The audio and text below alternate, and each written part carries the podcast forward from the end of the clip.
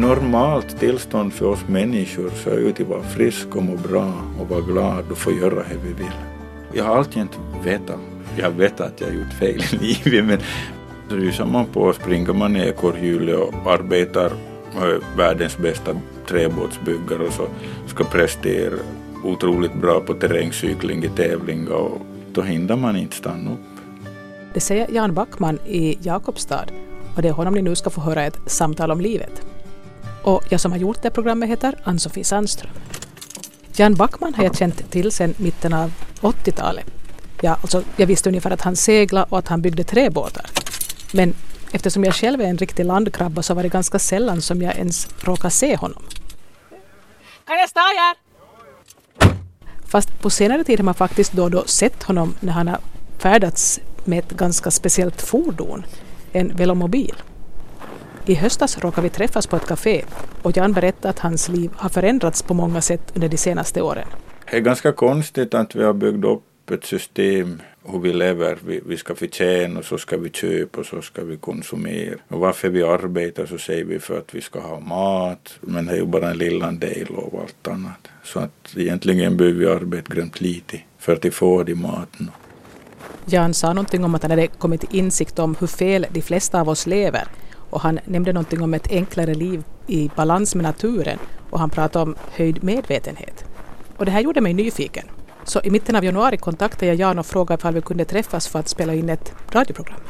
Och det hade Jan ingenting emot så han bad mig komma till Jakobstads båtvarv i Gamla hamn. Ja men välkommen. Hej. Hej, jag håller till. Alltså jag stod där. Ja, nu, jag, alltså, det är ju inte det värld som inte jag känner till alls. Nej men. Jag bara vet att det finns ungefär. Ja.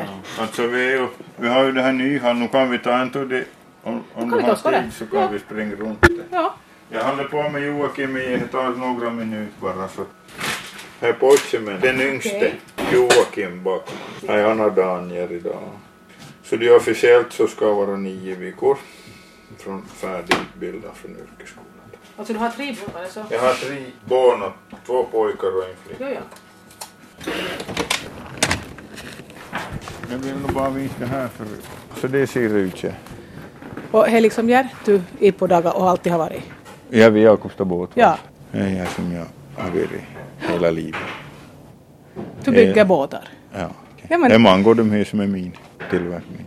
Har det till det, har de lacka, har de första är min tillverkning.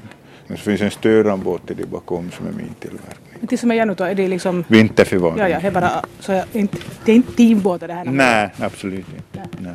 Har det med grönrandet det är min och det här är min. Och det är till salu båda, de ska bort. Nu har du några som du har lämnat kvar med då? Ja, vi, här har det som jag, i andra hand. Här har det som jag fick här i våras. Folk får båtar så det är bara... Jag fick en båt. Av en kvinna i Helsingfors. En stor segelbåt. Har du liksom växt upp i det, i det, här närheten av det här att du liksom... Ja, nu är jag ju började segeloptimist 1973 vid Pavis.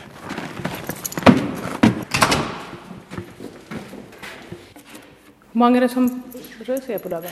Här är jag och så är det Fremar, ett företag som jobbar med mig som är Fredrik Östman och Marika. Och så är det jag, inte någon annan. Alltså jag har ju inte anställda mer. Jag ju som slutar med. Förr hade du. Det är Henrietta, är hon som en dam gett åt mig från Helsingfors. Det var viktigt för henne att båten, det var mycket känslofullt och de haft båten i 50 år. Att hon ville inte sälja heller åt någon som inte förstår sig på. Och så är båten byggd här på Jakobstad båtvarv 1947. Hon ville att båten skulle komma hem. Så nu är helt sönderplockat och ska restaureras, helt re, renoveras Hur länge kan ett tycke sak ta? tills jag är färdig. Så du har inte här stress med inte? Nej, jag har inte någon stress med någonting. Det här är sista uh, nybygget som jag har hållit på med bra många år. Det var så stora båt det här så jag fick bygga halm för att kunna bygga färdigt. Jag byggde skrov in i gamla. Så du har byggt en ny Jag hall? byggde, byggde en ny hall, det var så stor en båt. Tyvärr är ju det här en motorbåt så man ska ju, det drar ju fossila bränslen det här. Så att, Så före det här hallen fanns det här i hallen så vi var inne och skådade till det förr. Jag har ju gamla båtvarvet som Birger Selacki och startade 1904. Finlands i nuvarande äldsta båtvarv som fortfarande bygger träbåtar. Så finns på det Bröntmansställ? Nej, det finns inte något mer. Det, är nog väldigt, det finns nog väldigt lite båtbyggare kvar i, i världen. Hur till att bli båtbyggare? Har du liksom bara lärt dig eller har du gått en utbildning för det? Jag har nog gått en utbildning som ung. Eh, Pärnu skärgårdsskola i Lovisa. Men nog är det livet som har lärt. Jag började faktiskt direkt som egenföretagare men Nils Kronholm var ju som min mentor i alla fall som pensionerade sig så han var ju, han gick alltjämt till Fonissi med och ifall det var något som, som man var osäker på. Men du har alltså varit en praktisk människa från början? Att du har... På något sätt så var det rätt då. Det var min livsuppgift i det här skedet i livet. Nu är det, känns det lite annat, nu är det annat som ägrar inte här riktigt något mer. Men jag har nog fått förverkliga mig själv hela livet på något sätt. Jag har nog fått det. Är inte allihop som får hem. Jo, nog får allihop. Men det gör inte? Ja, en andra sak. Ja. en andra sak. Inte som upplever att har fått det. De tycker Nej. att de bara hamnar på fel ställe så de lämnar kvar på fel ställe. Här... Du har hamnat på rätt ställe. Jo, det kan ju vara att man i bekvämlighetszon. Att det är så. Och klart att är ju hur man tänker inte har väl all gång varit så grämt bekvämt att vara egenföretagare hela livet heller. Och nu, nu är jag ju också som egenföretagare och anställda och så nu är jag ju som inte kunna avstå från att hamna på något sätt i några ekorrhjul och springa hårt jag och som alla andra människor tills man inser att vad är det här livet egentligen? Vi gå någonstans tänkte så mycket maskiner för att jag...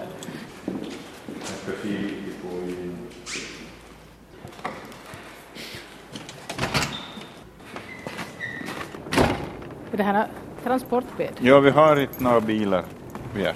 Vi använder inte bilar överhuvudtaget. Så min bil är alltså liksom stör jag då? Nej, man kan inte som i det här skedet. Det här är också en process som jag går igenom. Det går ju som inte... Man kan bara förändra sig själv. Och på något sätt så har vi gjort en gemensam förändring här så det har blivit på det sättet att vi, vi har lite samma tank, tankar allihop som, som jobbar här. Jag har lite lågan dröm men det är på grund av att jag har så lågan bil. Jag ser det ja. Så det här är ett, din farkost, det som du färdas med på dagar liksom? Det är som jag använder dagligen. Vi far upp hit hörni.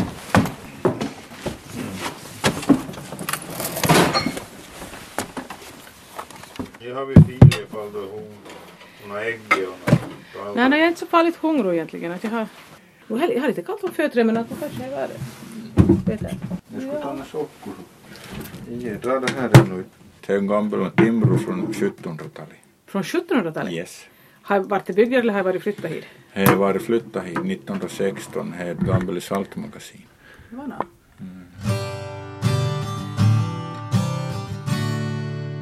något. vi börjar på riktigt nu. Ja, vi har det. Du, kan ju berätta vem du är. Alltså vem jag är så är väl en evig gåta vem man är egentligen. Men okej, okej, vi tar namnet. Okej. Jag heter Jan Backman och född och uppväxt i Jakobstad. Och du föddes ungefär när? 1962. Du är alltså båtbyggare? Livsnjutare. Du är livsnjutare men du ägnar dig också åt att bygga båtar och... Uh, mm, nej, jag är nog bara livsnjutare. Jag vill inte. Men till vardags hittar man det på ett båtvarv? Du är, du är nog till lägg med ena fack. Okej, jag förstår att Jan Backman inte vill att man placerar honom i något fack. Du sa det när vi gick omkring att du har ganska mycket rört dig på de här områdena. Jag har varit i Gamla hamn hela livet egentligen. Var det så att du liksom, att det i familjen var folk som var vid vattnet eller bodde du nära till så du tyckte det var intressant därför eller hur kom du att Nej, jag, jag, jag är uppväxt vid, på Grässelön i, i Såklot. Ja, ja. Så jag varit all ledig tid på sommaren vid vattnet. Vattnet har varit mitt element hela livet egentligen. Från, gjort allt med vatten. Kappsegla både på vatten och på isen och tidigare i livet hållit på med dykning och egentligen allt som har med vatten, som man kan göra på vattnet. Och som Jan Backman nämnde här tidigare så utbildade han sig till båtbyggare och han bygger träbåtar. Jag frågade om det här var ett självklart yrkesval för honom. Ja, det var en självklar sak och, och jag var ju med på Jakobstad båtvarv med Nils Kronholm och satt runt Vedapan och på något sätt är jag väl upplevd att jag inte riktigt jag ska borde vara född lite tidigare på något sätt. att jag har tyckt att det har varit viktigt det med att vara jordnära. Just det med det lugnet, komma hit på morgonen och hugga lite ved och lägga lägg eld i pannan och känt och värma kommer in i verkstaden och börja bygga på mina träbåtsprojekt. Och då jag började känns det som grönt eh, jordnära, nära elementen, fått arbeta i naturmaterial på ett sätt. I vilket skede blev då Jan egen företagare?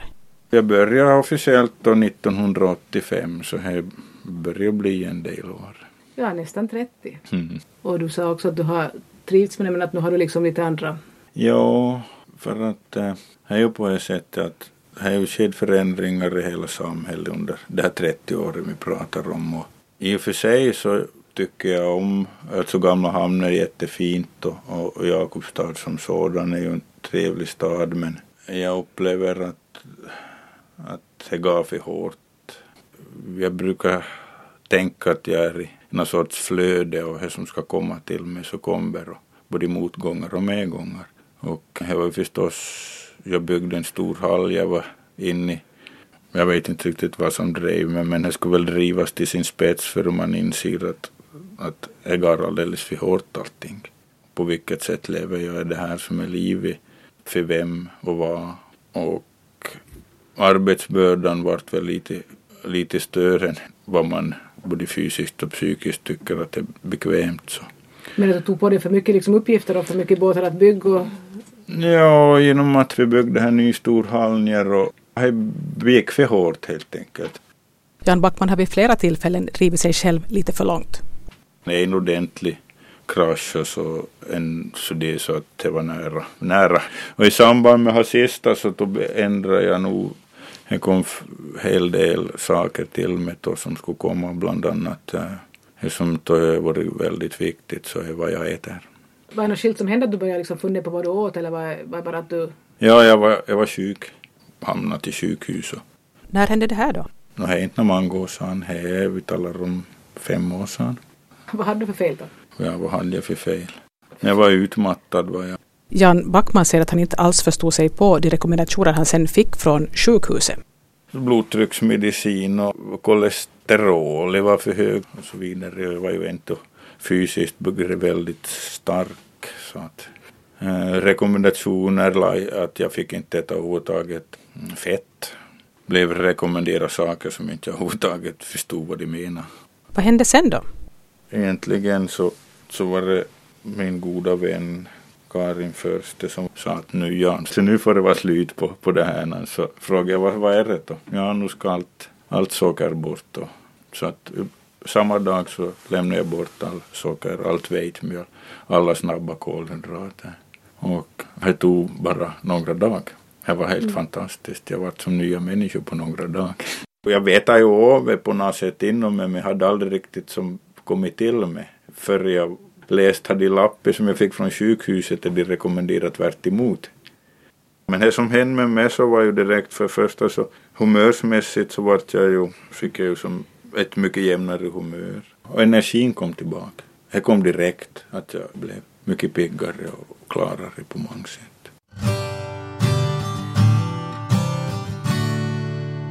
Jag var alltså nu, jag alltid varit kanske en lite funderad just det här Nils Kronholm som hade båtvarvet före mig så var ju faktiskt en väldigt medveten människa. Han gick ju bort nu för ett år sedan.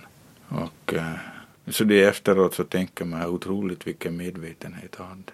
Så att jag, jag, menar vad jag menar så att jag, genom att Nisse har varit min vän hela livet så har jag också påverkat mig. Men det var nog det första det, då jag faktiskt började tänk om hela systemet. Så det var nog med maten var nog det första som lag igång. Så du insåg att det du blev rekommenderad att mm. göra var precis mm. tvärt emot vad du mår bra av? Precis. Och liksom att jag vart mer klarsynt. Och det kommer till mig hela tiden. Och det kommer som ibland så tänker man att hjälp att ska jag nog som ta emot det här nu att Men varifrån skulle du säga det kommer då? Mm. Det kommer väl inifrån mig genom att jag lyssnar på mig själv. Man kan ju kalla vad som helst. Man kan kalla själ, man kan kalla Gud, man kan kalla universum, man kan kalla lägger hur mycket synonymer som helst på det men någonstans kommer det för att det dyker upp bara saker. Då menar du att det först nu har börjat komma eller att du först nu har börjat vara mottaglig för vad signalerna inifrån eller utifrån eller varifrån det kommer, att du har inte liksom lyssnat tidigare? Nej, och här är ju för att komma dit så måste man ju lugna ner sig. Rusar man på springer man ekorrhjulet och arbetar och är världens bästa träbåtsbyggare och så ska prestera otroligt bra på terrängcykling i tävling och så ska man vara på det, det ena och det andra så då hinner man inte stanna upp. Det var så du var tidigare? Ja. Så det var viktigt för dig att du skulle prestera mycket och göra bra jobb och vara mm. duktig på ja. allt det var nog, Jag tror nog, jag kanske inte såg det på det sättet egentligen för att jag var inte heller som tävlingsmänniska så jag minns att kappsegla ju mycket och så det men jag var aldrig en dålig förlorare. Du tyckte om att segla men att det var inte här? Ja, jag, jag, vi vann ju. Så vet du att du var dålig? Nej men alltså att misslyckas, jag minns ju bra så, så funderar man på vad kunde man förbättra, varför gick det så det? Att det var inte som att jädrans skit att det var Rokovi. nej men alltså här riktigt så, jag, jag är nog präglad så att jag ska nog vara duktig. Jag ska vara duktig. På allt vad jag lägger mig in i så ska jag vara duktig. Hela det här systemet så bygger på att vi kommer ju, vi kan ju gå hur blankt tillbaka i tiden och hur många generationer som helst så har vi ju som nog har varit kämpas på något sätt för att uppnå någonting som man tror att är någonting. Är du inte duktig mer nu då? Nej, inte är duktig. Det är ju här som vi började den här intervjun och du frågade vem jag är. Så jag vet inte om det är identiteten att hur mycket vi egentligen försöker lägga in oss i ett visst fack att ja, ja, jag hade knepig båtbyggande i gamla hamn eller Ja, vem skulle vara om du inte skulle bygga båtar? Ja, precis. Vem skulle vara om du inte skulle Nej, kunna allt du kan? Mm, nej, men jag har, jag har som inte någon betydelse. Vi sitter här runt bordet och jag nu. Och nu är vi här. Och nu är vi vad vi är. Vi är bara runt ett bord här och pratar. Att man ska slappna av. Att det är som inte så stor betydelse. Jag måste inte vara duktig. Det är klart att gör jag någonting och brinner för det så vet jag ju att jag är duktig. För det blir, man är ju som jag upplever som vi sa, att jag är ett flöde. Att det går bra. Det är inte så viktigt i det till försök vara någonting som man kanske inte riktigt allgång orkar upp till heller än det blir. Du menar att man först liksom försöker leva upp till andras förväntningar hur man borde vara? Att de väntar sig att man ska vara just den här duktig båtbyggaren som Ja, att, alltså. att man tror liksom att man måste som prestera och man mm. måste producera och man, hej, så mycket måste. Och egentligen måste inte vi någonting. Isch. Nej, inte egentligen. Nej, men... Jaha, var min som inte hade stängt av. Jag tror min, min ringer inte nå. Han är så snäll. Det där ringer inte mer. Han slutar ringa. Men att folk ringer inte åt eller då att inte Folk har slutat. Allt onödigt är bort. Du har liksom eliminerat allt onödigt i ditt liv? Mm, jag, jag håller på med. Vad är liksom, vad är målet med? Jag har en vision om någonting längre fram som håller mig som, och att jag vill tid. Jag är så klar har, har saken så att jag systematiskt så kommer jag tid, jag vet det.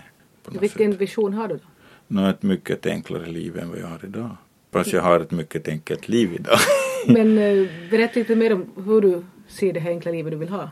Nej, det är ganska konstigt att vi har byggt upp ett system hur vi lever. Vi, vi ska förtjäna och så ska vi köpa och så ska vi konsumera och så ska vi... Och varför vi arbetar så säger vi för att vi ska ha mat men det är ju bara en liten del av allt annat. Så att egentligen behöver vi arbeta grymt lite för att få de maten. Vi har ju stora förändringar i världen för att människor med höjd medvetenhet så börjar människorna frågasätta vad vi egentligen håller på med. Och då sker det förändringar. Det här börjar låta lite som sådant man pratar om i de kretsar jag själv rörde mig på 70-talet. Jan Backman är några år yngre än jag, så jag frågade om han också på 70-talet rörde sig i sådana kretsar där man ifrågasatte det sätt vi levde och där man värnade om miljön och där man ville ha en förändring. Ja, alltså ja, ja, ja, ja, ja, nu var jag nog och, och det här. Jag minns att, att som unga pojk så Jag minns det var någonting att man fick inte ha bilar igång mer än två minuter på tomgången. Och jag gick ju runt och sa åt folk jag att hej, att varför har ni bilen igång? Att, att det är ju som onödigt, det både drar bränsle och för, förorenar. Och det är ju, finns ju inte någonting med, bilar går ju på tomgång allstans. Men jag, minns, jag blev ju till sist så, så att, att det här för att inte behöva springa eller slås varenda dag så fick man slut med.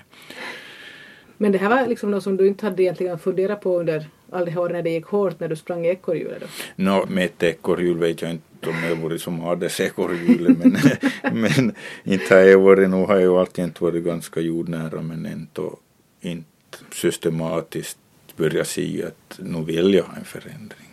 Har du engagerat dig på något vis eller att du liksom börjar gå med i några grupper som är likasinnade? Ja, det växer ju upp för att det är ju så att du börjar se på saker så då börjar du få människor runt det. Som jag i Jakobstad så var ju en sak som var väldigt positivt som jag var med och fick vara med och starta så var ju det här REKO, att laga direktkontakt mellan producenten och konsumenten närodlat och, och rent.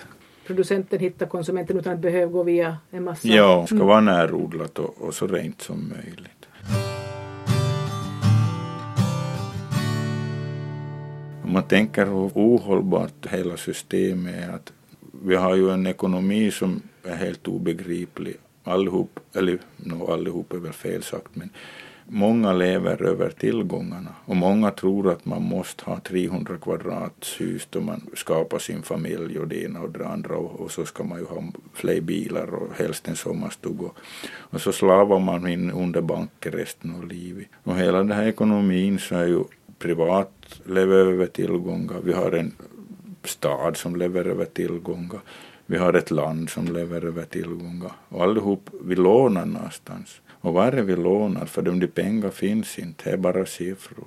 Om man ser riktigt, riktigt besvärligt på det så, eller så, är det, så vi lånar egentligen av våra barn. Och som jag ser ut nu så får vi nog som vi som är i vår ålder nu så vi kommer nog till få vara med och börja reda upp det här eller vi ska helst börja reda upp det nu om det ska finnas någon möjlighet för de talar om det här växthuseffekter och, och det ena prognosen efter den andra. Men jag tror inte att människor riktigt ser egentligen vad det handlar om. För att som jag ser det så just hade känslan av att man ger upp, att det har ingen betydelse om jag odlar eller köper ekologiskt, om jag kör bil, jag, okej, okay, jag pendlar till Vasa varenda dag, eller jag har som inte betydelse för de, de håller ju på, kineser håller ju på att köpa sig sina privatbilar och allting. Om jag har inställningen så kommer vi inte att få en förändring riktigt fort. Klart man, det finns människor som är på gång men kanske men jag skulle vilja gärna att det skulle som accelerera lite. Jan Backman bidrar åtminstone inte själv till föroreningen genom att köra bil, utan han har ett fordon som han trampar fram. Vad kallas det? Velo... Velomobil. Så här som, så som en cykel, du driver fram mm, eller du trampar? Ja, det är som framtidens fordon. Och de kommer ju som ut mer och mer och det händer mer och mer inom det här området och det blir kanske lite inte så det sporten med så de man sitter mer rakt och, och liksom kanske mer lastutrymmen och med elassistans. Jan Backmans velmobil är röd och den är låg och ser på något vis ut som en, ja, som en smal sportbil på något sätt. Och jag minns att när jag första gången såg den i Jakobstad så funderade jag vad är det där för sorts fordon? Men hur kom du på att du skulle skaffa en sån här då? Hur visste du att det fanns? Jag hade nog hittat hur mycket som kommer på internet idag. Ibland så är jag förvånad. Jag kan hitta någonting som är jätteviktigt för mig. Jag bara, jag bara kommer till mig och googlar och så kommer Så att varför, varför Velomobin kom till mig så jag hade en någon bra många år sedan så på något sätt hade jag kommit in på några filmer om i Danmark en som pendlade till jobbet med en velomobil och så filmade de och det var ruskigt väder och de filmade inifrån. Och tänkte ah, yes. Men ännu den här velomobilen, vad har den för fördelar om man jämför med en helt vanlig cykel till exempel? Vi är ju lata. ja, visst är vi ja. ja, ja. Nej, det är alltså bekvämligheten. Att jag behöver, jag kan köra med kortkalisen och jag kan köra lättklädd. Det är som jätteskönt. Alltså nu, det är som ganska kallt? Ja. Nu, och så med regn så är det skönt, du behöver inte som byta kläder. Jag kan fara i kostym, jag kan fara i halar, jag kan fara vad jag bara sätter i och så far jag. Så att det, det Vadå, men alltså inte har du något tak? Eller har Ja, jag har nog tagit. Jag har nog. Och jag har ju som, som täckt så bara huvudet sticker upp. Så då, det finns faktiskt så att jag är helt täckt upp. Men jag har modell, men det finns ju många AD-modeller idag. Jag tycker jag är helt idiotiskt om vi ser på bilvärlden idag. De flesta kör ensam en stor bil. Tusen kilo skrot för att transportera en 70 kilos människa. Så alltså enda sunda är ju att var- och en har ett transportfordon som är anpassat för en person. För att vi är mest en. Känner man inte sig liksom så lågt ner och kommer på en trafikerad väg där det finns eh, lastbilar och långtradare och Ja. alltihopa. Ja. Jag menar, det behöver bara vara lite ouppmärksam de här stor... Klart att på sikt så är det ju inte en bra lösning att tungtrafik och cykeltrafik ska vara på samma väg. Det är ju Nej. helt idiotiskt. Men inte det heller så att Jan Backman alltid skulle välja att åka på en cykelväg ifall det finns. Om jag far ut på vägen så håller ju, håller en 40 kilometer i timmen. 30-40 kilometer i timmen. Så det är ju inte så roligt att vara med folk som är ute och spacerar med hunden och så vidare. Så Nej. att, att det går ju lite för hårt då igen så att jag hamnar nog väl i att det är många gånger tryggare att vara med bilar. Du menar att du kan använda det här maskin... Är det velomobilen fast det ska vara minus 20, minus 25? Ja, inte några problem. Det går ju tyngre. Det är som allt annat. Du brukar säga att om inte går tyngre på vintern så säger jag nej, det går inte tyngre men det var går sakta. jag menar att det går ju tyngre, det går sakta. Jag tappar ju lite i det tjusningen töga tungt för att velomobilen är ju så strömlinjeformad så att du börjar ha nytta av de höghastigheten eller i de strömlinjeformad vid ganska höga hastigheter så det tappar man ju men det får man ju leva med. Vad väger inte det, velomobil? 30 kilo. Så du kan liksom ta och lyfta någonstans? Ja, jag kan nog lyfta upp på trottoaren. Ja, ja. Det är som en tungan kajak. Vad är det lagat av? Kolfiber.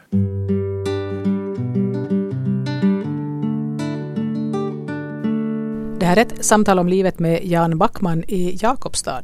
Och vi kommer in på det här med den frustration man kan känna när man märker att den förändring som sker i samhället och som man kanske tycker att borde ske, att den sker så långsamt.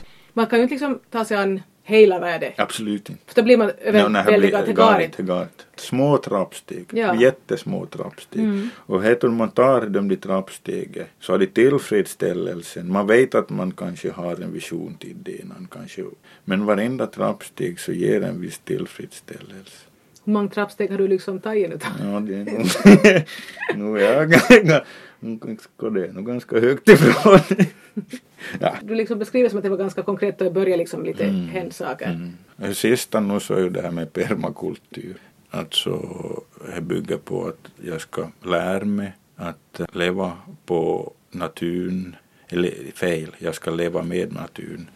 Odla på ett sätt som gör att naturen sköter själv odlingen. Men alltså är odling något som du har intresserat dig för tidigare också? Aldrig. Jag har inte satt ett frö. Så permakultur är en form av odling som tar hand om sig själv. Men funkar det i det här klimatet? Ja, här är en utmaning. Här är en utmaning. Och jag vet inte, det är inte så de hundra att jag kommer till lämna det där klimatet. Vi har en korta säsong och allting ska göras under här de kortsäsongen, men det är fullt möjligt. Och samtidigt som du ska segla dessutom. Nej, jag, jag behöver. Nej, men gör nu var ju fina med permakultur. Att det sköter sig själv, men du måste yes. få igång det på något vis i alla fall. Yes. Börjar det sköta sig första året eller börjar det sköta sig först Nej, senare? jag tror nog om vi tar i vårt klimat så ska vi nog ha, vi ska nog ha några på oss. Men vi kan också småskaligt liksom med allt. Jag tror ju på småskalighet även inom företagsverksamheten. Jag tror fullständigt att, att idag för att vi ska, så ska vi ta ansvar för vår, vad vi gör. Vi har ansvar för vad vi gör, vad vi säger, vad vi upplever, vår hälsa. Det är vi som har ansvar. Jag kan inte tänka mig att jag det är någonting som händer och jag måste fara fort till sjukhuset för jag har inte tid till att vara sjuk. De måste ge mig ett bilder för att jag ska bli fort frisk. Vi har ju många, många sjukdomar som kommer egentligen på, elakt sagt, fellevnadssyndrom. Som vi vet allihop inom oss utan att nämna med Jo men jag ska bara, jag ska bara. Jag kan inte liksom vara borta just nu. Jag måste liksom vara på arbetet fast jag är sjuk. Att jag, måste, jag ska bara. Ja. Och tyvärr är det ju så att många gånger att, att vi ska bara och vi ska bara tills i värsta fall blir en kronisk ordentlig smäll. Eller i värsta fall dör man. Jag menar det är ju inte riktigt ovanligt att man bara får en hjärtinfarkt eller någonting. Ju- har så brått som hjärta vill mig. Det här livet är ju som en resa och hur lång din resa är så här vet vi inte. Men att det är väl nog viktigast att vi lever vårt sanna jag under de resor. Du tycker att du har gjort det under hela resan då eller? Alltså vi lever ju till tillgångar vi har och till mm. medvetenheten vi har. Så att jag absolut gjort det som jag skulle göra just då. Under Men hela tiden. nu är det förändringar på gång liksom? Ja, och nu har varit, all, allihop har vi ju våra förändringar och hela livet och hela mänskligheten och hela jorden förändras hela tiden. Men en andra sak om vi vill se och vi tar ansvar för de förändringarna. Och du har valt att du tar ansvar? Jag tar valt att ta ansvar för jag ser att det ger mig så mycket. Jag, jag får ju så mycket av det. Både hälsa och allt. Det är så härligt. Det är ju som, då vi tar det inifrån oss i det magkänslan eller själen eller vad det så är ju som, det finns ju så mycket kärlek i oss allihop. Alltså normalt tillstånd för oss människor så är ju att vara frisk och må bra och vara glad och få göra det vi vill. Det är ju ett normalt tillstånd men på något sätt i något skede så någonting börjar vara för hårt så att på något sätt måste vi göra en förändring nu för att om inte vi gör en helt omstrukturering så finns ju inte sådana möjligheter mer. Det får ju det här på ganska kort tid. Men jag tror, jag, ah, vad skulle jag veta varför det är så det Men så det är det nog.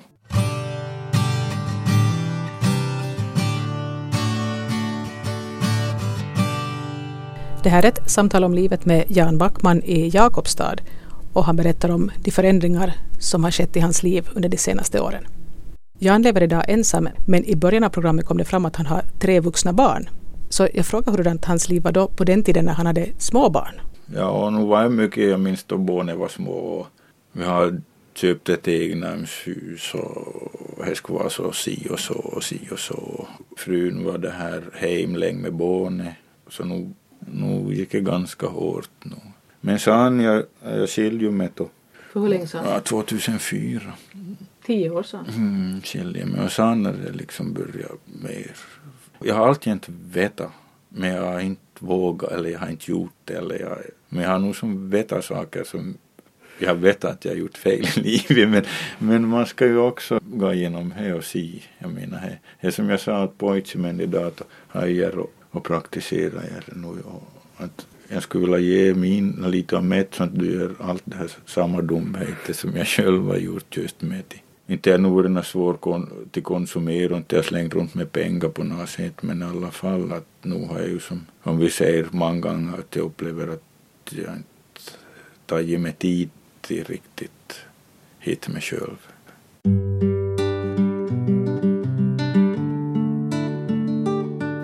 Faktiskt så har jag tänkt ganska mycket på det med relationer och det här med att förändra och och så kommer ju det här som är också viktigt, det här nära relationer, alltså parrelationer. Och hur man ser på det.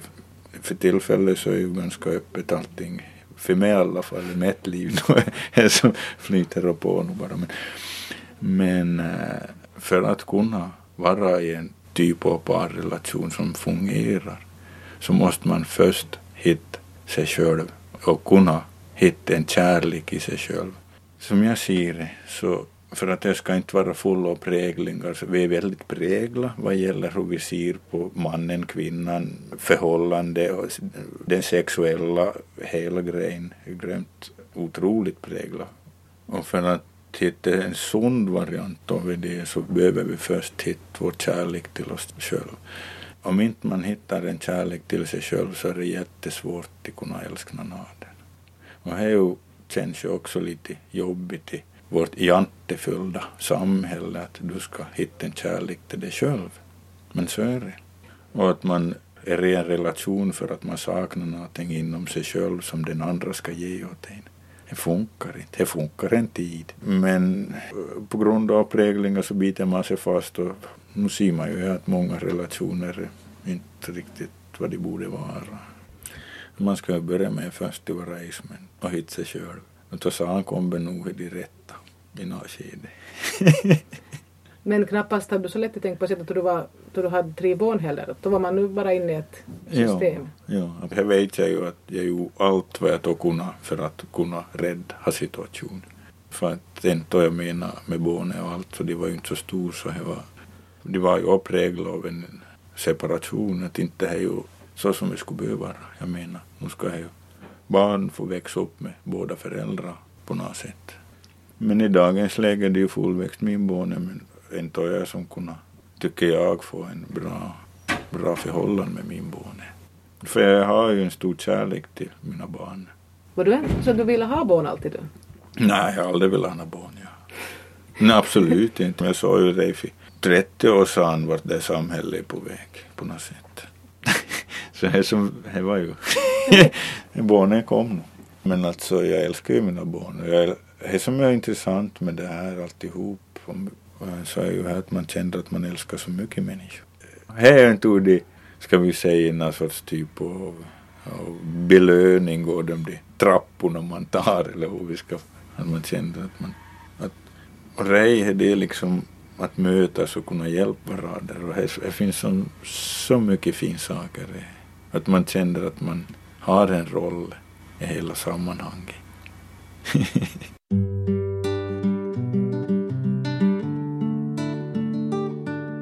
Jan Backman nämnde för en stund sedan att han tidigare i sitt liv inte tog sig tid att hitta sig själv, eller hur han nu uttryckte det. Jag tror att det är väldigt viktigt att man varenda dag lägger en liten stund på det. Kalla meditation. Mm. Men att du faktiskt ägnar en liten stund varenda dag för att hålla någon sorts balans. Gör du det nu? Ja. Hur lång stund? Det beror på, emellanåt kortare, emellanåt längre.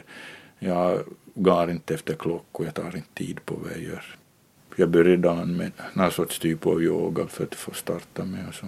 Genom det så kände jag att yes, och så kan jag som vad kommer som kommer skall. Så att det kan vara från tio minuter till en timme.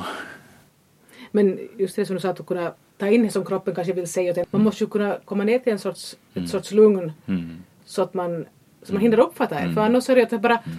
Det här är ju något som vi ju faktiskt, vi pratar mycket om präglingar, alltså vad vi är präglade till hur vi programmerar. Och det handlar ju mer om en omprogrammering. Och det hjälper inte att, att man en och två dagar så försöker bara meditera eller bara lugna ner sig. Att, man måste få liksom satt i system att man, mm. att man inte har så hög tomgång liksom. Ja, tomgångsvarvet ner och det fordrar att man är konsekvent. Att det är inte frågan om tidsmässigt men konsekvens. Att du, och det finns ju mycket annat eh, liksom med det här.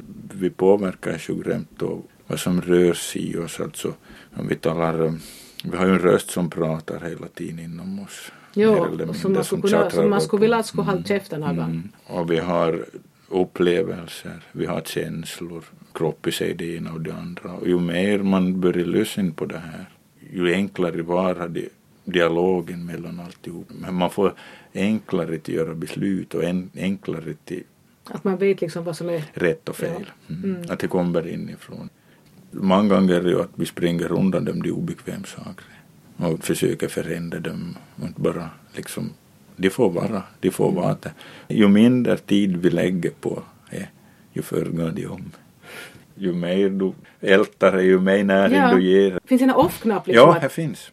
Enda du behöver göra så är egentligen att allt vad som pågår i det, att du lär dig till bara slappa av i i korta, korta stunder. Okej, okay, nu känns det här så det.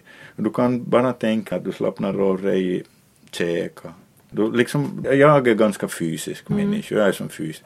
Du slappnar och känner att oj shit vad är kallt, usch, som, oj vad jag stressar mig att nu ska jag till det, i morse till det. Så bara de korta stunder att känna att bara att du vet att jag har rätt att slappna av i mitt eget flöde. Alltså allting känslor, upplevelser, tankar, vad som helst. Brej är det att du varenda dag lite tänker att jag har lätt att slappna av i det här.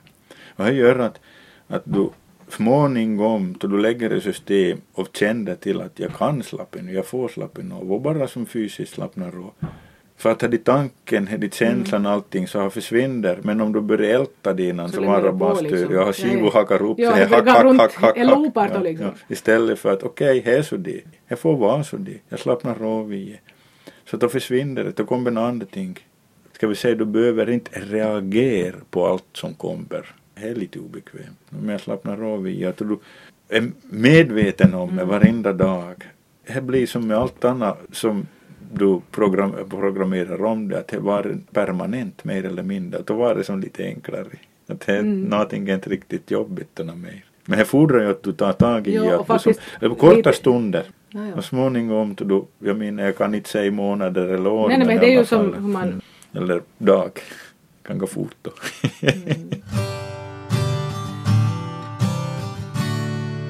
Livet är ju som bäst om man inser att det som har virrat har virrat och det som kommer det vet vi inte någonting om. Men ge vid det här bordet, nu har vi livet, nu lever vi och nu känns det bra. Vilket det gör. Men att hålla fast vid det, så det kan man känna en stund som inte alltid börjar gå på hårt i huvudet att man skulle, ja men jag skulle inte, måste jag skulle. Mm. Alltså jag kan ju inte, jag kan ju inte annat av eg, egen erfarenhet säga att, att det systematiskt var mer permanent. Så man måste tvinga sig lite först och så det här så. Ja, man måste jobba Mm, på en alls. Inte, jag, säger inte att det vore en lätt en resa. Och just det här till se hur man reagerar och vilka, vad som är präglingar och vad som är det ena och det andra. Så. Men nu är det bästa tycker jag, som åtminstone i mitt fall, så är det att kunna förstå att jag faktiskt har rätt till Slapinov.